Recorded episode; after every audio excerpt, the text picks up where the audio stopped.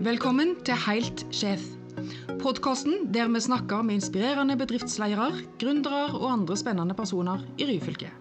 Vi får historiene til mennesker som har etablert og bygd bedrifter og arbeidsplasser. Vi diskuterer bedrifts- og næringsutvikling og hvordan vi i lag skaper et aktivt og attraktivt bygdeliv. Hei, alle sammen, og velkommen til en ny episode av podkasten vår. Jeg er Leila Steine, og i lag med kollega Alf Ådnøy, Ordnøy, som styrer lyd og rigger studio for oss, så har altså vi rett og slett tatt turen til en heiagard i Hjelmeland i dag. Gården ligger høyt og fritt 300 meter over Jøsenfjorden, og det har budt folk her fra før vikingtida. Sauer og skog, juletre og fine gardsbygninger. Rett ut forbi her så er òg utgangspunktet for turen til Skomakanibba. Og bakgrunnen nå må dere høre godt etter, altså, eh, for dette navnet med Skomakanibba er av den noe dramatiske sorten. Og det blir sagt at eh, nibba skal ramle ut i Jøsenfjorden når sju søstre gifter seg på samme dagen og ror ut fjorden. Vi tar ikke hele segnet her, men jeg søkte gjerne opp for å få med deg hele historien.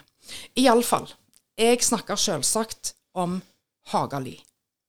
Og velkommen til gjesten vår i dag, Hanne Sundbø. Takk. Det er en fantastisk dag eh, på Hagali i dag. Fine høstfarger, nydelig vær. Så nå lurer vi jo på, rett og slett, eh, Hanne, hvordan, eh, hvordan har vi det? Jo, her er det godt å være. Eh, Hagali på høsten er like fint som Hagali på, på sommeren. Da er det kanskje flest turister som ønsker å gå forbi.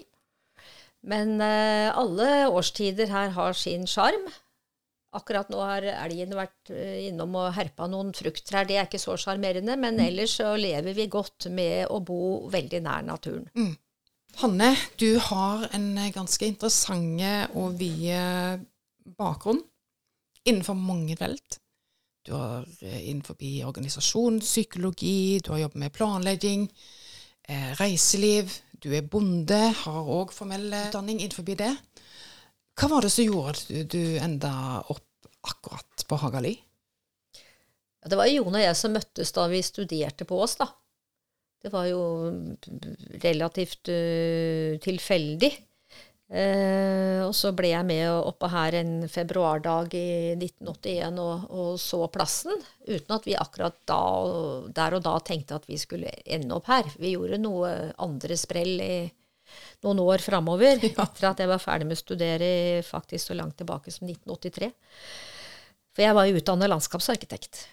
Så jeg var borti både design og arkitektkonkurranser og, og kommuneplanlegging for Hjelmeland kommune kystsoneplanlegging og litt av hvert uh, spennende. Og da møtte vi politikken og politikkens rammer for samfunnsplanlegging. Det er også veldig spennende. Det kan vi, det kan vi se på hele tida som innbygger i et lite samfunn. Ja. Og så, etter hvert, så ble det jo reiseliv. Når Reisemål Ryfylke skulle bygges opp fra bånn. Og da plasserte jo politikerne som skulle samarbeide over kommunegrensene, de plasserte jo kontoret på Hjelmeland. Ja. Så de gjorde det aktuelt for meg å søke, og jeg fikk den jobben og starta med en blank pult. Arvet fra Hjelmeland kommune. Den var helt tom da jeg begynte der. og der var jeg i nesten 18 år og skulle markedsføre og produktutvikle og jobbe sammen med gode lokale reiselivssjefer og miljøene og bedriftene, ikke minst, i Ryfylke kommune for å få til eh, produkter og en nasjonal turistvei etter hvert, og mest mulig samkjørt eh, produkter, profesjonelle produkter og god markedsføring. Mm. Mm -hmm. Men det var en tid for alt, og så fant jeg ut at vi skulle utvikle noe her oppe på Hagali. Mm -hmm. Og så kom galleriet. Så kom galleriet. Og her har det altså bytt folk i uminnelige tider. Og det fortsetter å bo folk. For nå har jo du og mannen din Jone plutselig havna i kårstova. Ja, nå er vi i kårstova. Eh, Sofiehuset, som det blir kalt nå, som var galleri inntil i våres, og vi har flytta inn i dette og overlatt eh, vårt tidligere bolighus til eh, vår datter og svigersønn. Så nå er de i gang særlig Birgit, da, med mm, drift på tradisjonelt vis, med sau og skog og juletrær. Men nå sitter vi altså i det som eh, du, Hanne, kaller for Sofiehuset. Som er en viktig del av bygningsmassen på, på denne gården. Og du eh, har drevet galleri her inntil for ganske nylig.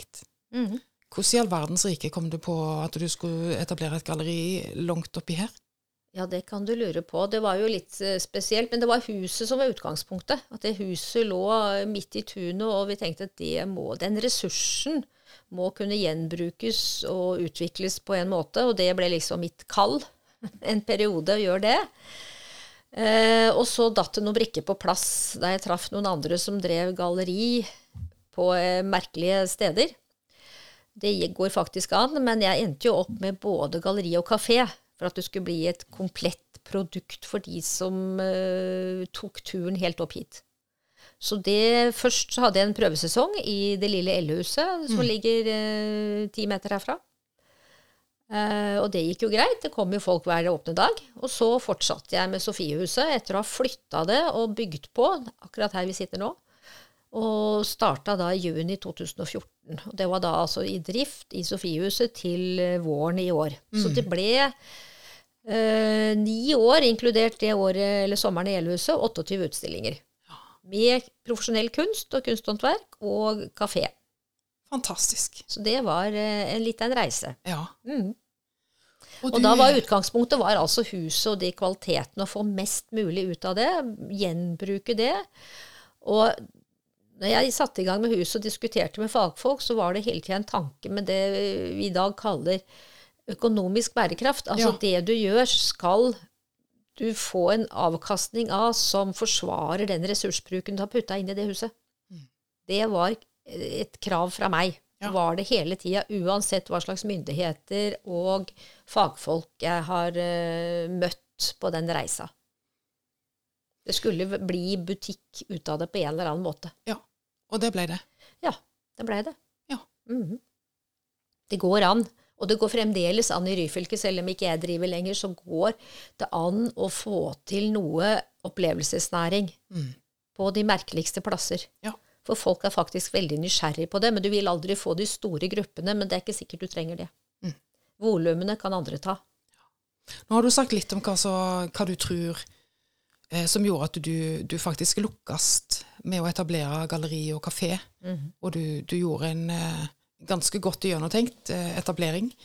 Men, men hva, hva, hva tror du skal til da, hvis eh, for å gi litt inspirasjon til andre som går og sysler med, med, med denne type ideer for å skape noe eh, basert på interesser og de ressursene de kanskje har. Hva tenker du? Hva vil være det aller viktigste? Altså, de må ta utgangspunkt i hva de sjøl har lyst på, og hva de tror de er best på. Eh, Men samtidig så må man være klar for å, på å si, justere underveis. Altså møtet med gjesten og kunden er det aller viktigste arenaen for å få tilbakemeldinger, så at du justerer produktet. Og så må man se hvem er det som kommer igjen og igjen og har lyst til å besøke meg, og så har størst ører når de kommer. Høre hva er det de har lyst til å få av opplevelsene de kommer til meg, som gjør at de kommer igjen enda en gang. Mm. Og, vi, og de betaler jo til og med for det. Du verden, du verden. Det er jo bare glitrende. Og jeg hadde masse hyggelige mennesker. Hadde veldig mye kjekt å lære og fine opplevelser med mine gjester. Ja. Men også med kunstnerne og de som leverte, Mm. leverte sine fine produkt. Ja. Ja.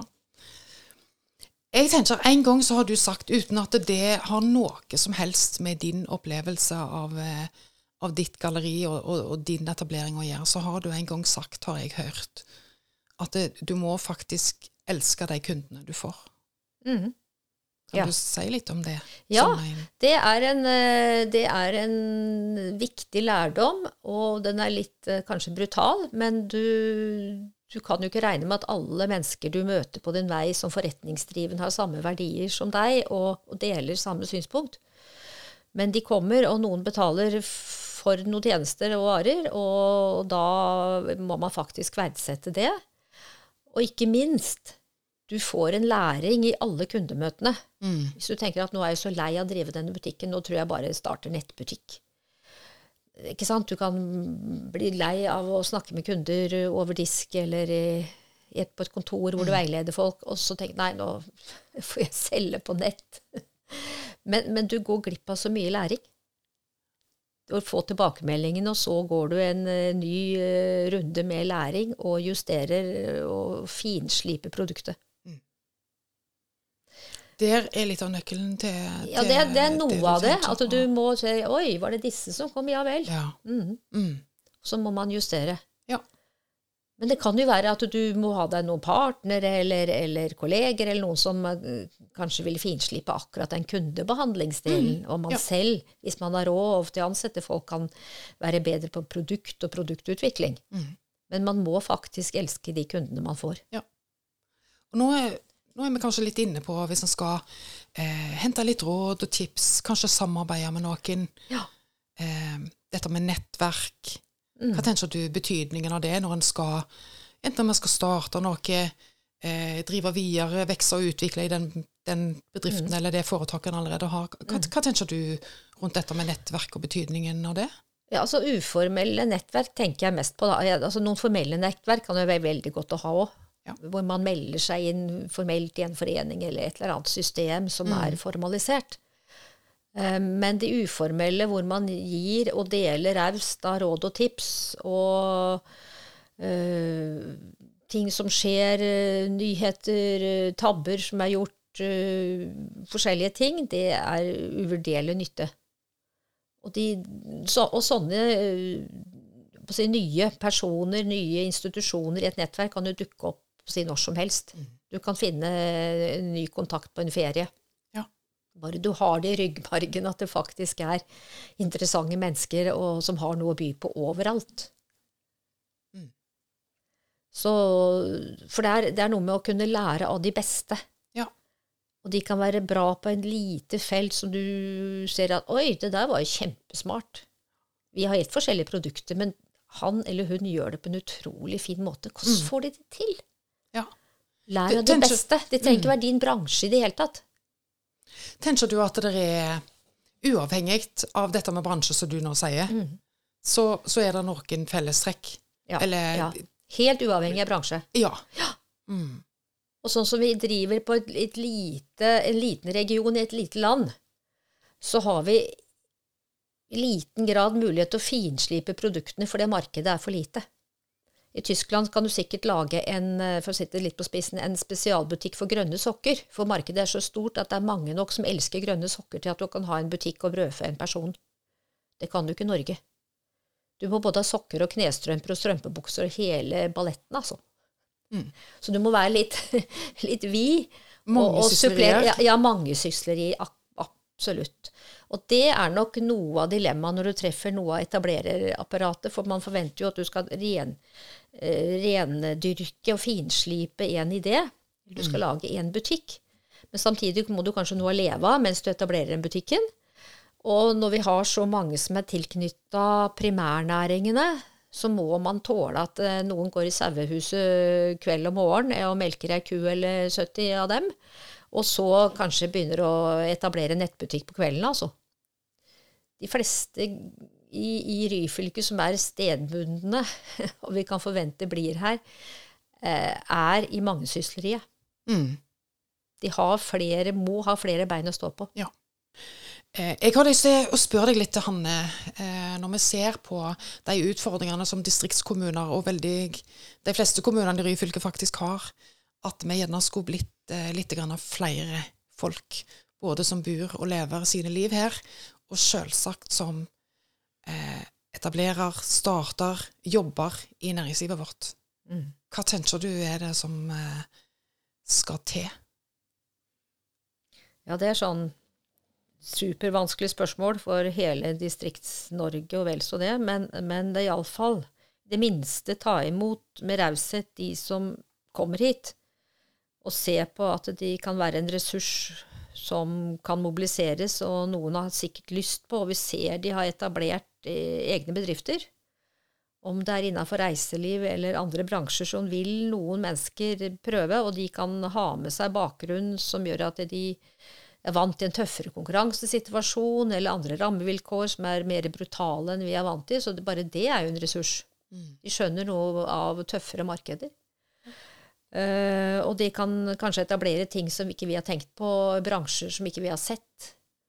Og, og gjøre ting som er uh, veldig bra. Så det er jo lokale ressurser, det òg, veldig fort. Bare vi er rause nok.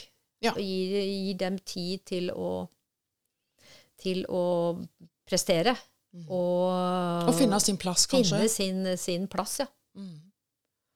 Og det gjelder også unge som kommer tilbake, eller halv, halvgamle som kommer tilbake for å, for å prøve å, å, å, bo her. Uh, vi har jo én ting som jeg la merke til uh, når det gjelder hvordan ryfylkingen blir sett på utenfra, som er et, et gode. Uh, og som jeg tror også de som kommer hit, fort vil være en del av. Og det er at det andre, iallfall innenfor Rogaland, har tillit til ryfylkingen. Det er liksom folk man stoler på. Ja. ja. Og da Det var en som sa det til meg en dag når jeg bestilte noe, så jeg skal jeg sende deg en mail og bekrefte dette var en vare som nærma seg 30 000. Nei, vi stoler på folk som bor i Ryfylke, sa Og det er noe med det, altså. Og han skjønte jo på dialekten at jeg ikke var født i Ryfylke. Mm. Så det er også en sånn eh, ting som er positivt for oss. Mm. Men eh, å få flere til å komme hit og etablere seg og der må det jobbes på mange plan, da. Ja. Det var bare en litt idé fra meg, men det er mange plan det skal jobbes på. Med et kontinuerlig næringsapparat, sånn som dere er en del av i Suldal Vekst, og også lokalt i kommunene, må du være forsiktig med å opprette og nedlegge prosjekter. Det må prøve å få noe stabilitet og kontinuitet som er til å, til å stole på mm. for de som vil noe, slik at de møter eh, et system som er der. Og det, det, det, betyr ikke at ikke det er der nå, men man er veldig forsiktig med å, å legge opp nye ting og, og, endre på ting som har en kjerne av kvalitet som ligger i bånn. Mm. Dette er, jo som du begynte med å si, at et spørsmål som vi sikkert kunne lagd eh, så mange podkaster vi bare ville og diskutert opp i mente, og det, det, er noe av det store spørsmålet i mange distriktskommuner for tida. Ja. Men eh, det er iallfall én ting som kanskje er sikkert òg, da. Og det handler litt om en liten jobb som du har på si, som handler om infrastruktur og vei, Hanne Sundbø. Ja, og det er egentlig en ganske stor jobb. Uh, og det gjør jo uh, at det politiske Jobben min er jo at det politiske skal uh, få gode arenaer til å lykkes med samferdselsjobbing rundt rv. 13. Mm. Og der rv. 13 er lang, det starter i Stavanger og ender nå i Sogndal, nord for Sognefjorden. Ja, og Da snakker vi om Fjordveien, rv. 13. Rv. 13, Fjordveien, som da er en forening som faktisk har holdt på nærmer seg 30 år. Mm. Uh, og som har noen seire, og er drevet fram av politisk tålmodighet og stayerevne og, og, vilje til å få til bedre vei og trygge vei mot ras, mot skred av stein og snø og gul midtstripe på hele strekket. For å være en god lokalvei og en god turistvei. Og få næringslivets varer fram og få unger trygt i skolen. Mm. Det er det jeg jobber med der. Ja. Og så er jo ikke det beina veien, ville jeg nesten sagt. Ufetur. Eh, nei, eh, ikke, ikke, helt. Dette er uken for statsbudsjett. Det kan bli veldig spennende og hvordan ting baller på seg. Men vi skal være der hele tida. Og, og, og synse igjen så godt vi, det lar seg gjøre med våre lokalpolitikere. Løfte de fram og, og få budskapet fram. Og, og ikke gi oss. Det er ikke noe prosjekt. Dette er virkelig langsiktig. Så da har vi jo samarbeidspartnere, men det er, det er ganske Det er en, seig jobbing. Mm. Og det må jobbes strategisk for å få det hele foreninga fram eh, med et veldig avgrensa budsjett. Men med å komme fram og bli synlig på høringer, synlig med uttalelser, synlig i media. Mm. Det er stort engasjement i lokalbefolkningen for disse trygge ja. veiene våre, som vi gjerne ikke har Ja. alle plasser i Ryfylke. Ja, det er det. Det er jo nå særlig knytta til Suldal, Rødsliane og Lovra Eide, og flere strekk oppover langs Uldalsvatnet og oppover mot Røldal. Og du har det oppover i Hardanger med noe fæle ras i sommer, og du har oppover mot eh, Sogn og Vikafjellet med noe ras i sommer, og langs Sognefjorden. Så det er nok av utfordringer, og nok å kjempe for til Nasjonal transportplan. Og dette her er utrolig viktig for at uh, lokalbefolkningen skal få livskvalitet, og bedriftene skal få trygge rammevilkår og vite at de kommer fram, og turistene skal være trygge når de kjører. Ikke ta en annen vei for de er redde for å kjøre langs Sørfjorden i Hardanger. Ja. For det er de nå. Ja. Det er ikke greit. Så det er en del av eh, Og det syns jeg er veldig eh, interessant å jobbe med. Mm. Merker du at, eh, at, at uavhengig av politiske skifte, kan man bruke det ordet, så, så, så, så jobber alle for dette, med dette, står på like mye? Er, er dette en felles eh, sak? Det er iallfall en felles sak over kommunegrensene. Ja. Det, er det, det er det kjekkeste jeg liker, å jobbe regionalt. Det har jeg gjort i mange år. Og partifarge betyr ikke alltid så mye, men klart men man er lojale mot sine partiprogram og snakker med sine kolleger i stortingsmiljøet og sånn. Men eh, det er også go mye god pragmatisme lokalt når det gjelder å få våre ting fram. Og, og snakke med folk uavhengig av partifarge. Og vi i administrasjon vi er fargeblinde på det. Ja. Vi snakker med alle fra Rødt til Frp. Det er godt å høre om, eh, om veien og Trygge veier lar vente på seg både her og der. Så, så er det iallfall òg stort politisk eh, arbeid og push og press på, det. på dette. Mm. Men det, det- dessverre for lokalbefolkning er dette vanskelig å forstå. Det er vanskelig å forstå de politiske systemene og, og alle beslutningsprosessene. Og skal det skje gang etter gang med nye rulleringer. Men det er faktisk noen tunge løp som man må bare være med. Altså, det, er ikke noe, det er snarveier til suksess her. Det er ett statsbudsjett. Hvis man skal ha penger fra staten, så er det ett statsbudsjett. Og én nasjonal transportplan. Mm. Mm. Eh, Vi har altså en gjest i dag som har et stort engasjement på, på mange plan. Eh, og for statsbudsjett, Hanne, så går vi litt over på ei framtid for, for deg og, og de bedrift videre. Hvor, hvor går denne veien nå, tenker du? Ja, jeg er ute på en ny reise, jeg. Eh, Så Ryfylke Glød, eh, enkeltpersonsforetaket mitt, det går videre, det. Og jeg er til disposisjon for rådgivning for enkeltetablerere eller bedrifter, styre. Eh, For jeg tenker at noe støttefunksjoner som jeg sjøl trengte da jeg starta opp, øh, kan være godt for andre også å ha. Drøftingspartner. Og sånne samtaler og drøftinger kan man jo gjerne ta ute i naturen. Du kan ha gode samtaler mens man rusler rundt i naturen på Hagali, f.eks. Tenker du at det er mange som trenger en mentor? Ja, i faser av etableringa og i faser av bedriftens utvikling, så tror jeg det. Og jeg tenker at eh, noen ikke har hatt det når de trengte det. At det lander feil når det er putta inn mye ressurser og kunne hatt en stopp og hatt hjelp av en som kunne gå opp i litt fugleperspektiv. Se etter noen mønstre, se etter noen snubletråder. Og tatt en stopp og en liten loop med, med vurderinger En liten sparringspartner. ja, en sparringspartner til å øh, vennlig hjelpe en videre. Ja. Men ikke bære og trøste, du skal gå sjøl. Men øh, du må øh, få inn litt noen små stoppepunkter og, og gjøre noen vurderinger på nytt. Så kunne kanskje noen bedrifter blitt øh, mer robuste og mer varige enn det de blei. Men det handler jo gjerne om å få Bruke litt lengre tid på å komme fram til viktige beslutninger, altså å ta noen valg. Eh, og gjerne ta en runde ekstra med noen som, som kanskje kan stille litt gode spørsmål. Ja, og, og at du har noen, en uhilda hjelper utenifra. Mm. Ikke baserer det på venner, kjente, familie. Det, er, det kan bli gode kunder, men de, de vil aldri være nok til å bære bedriften din på salg.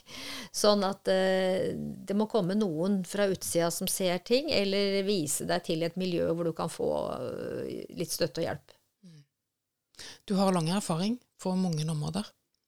Ja, veldig forskjellige områder, men ja. Mm, begynner å bli noen år.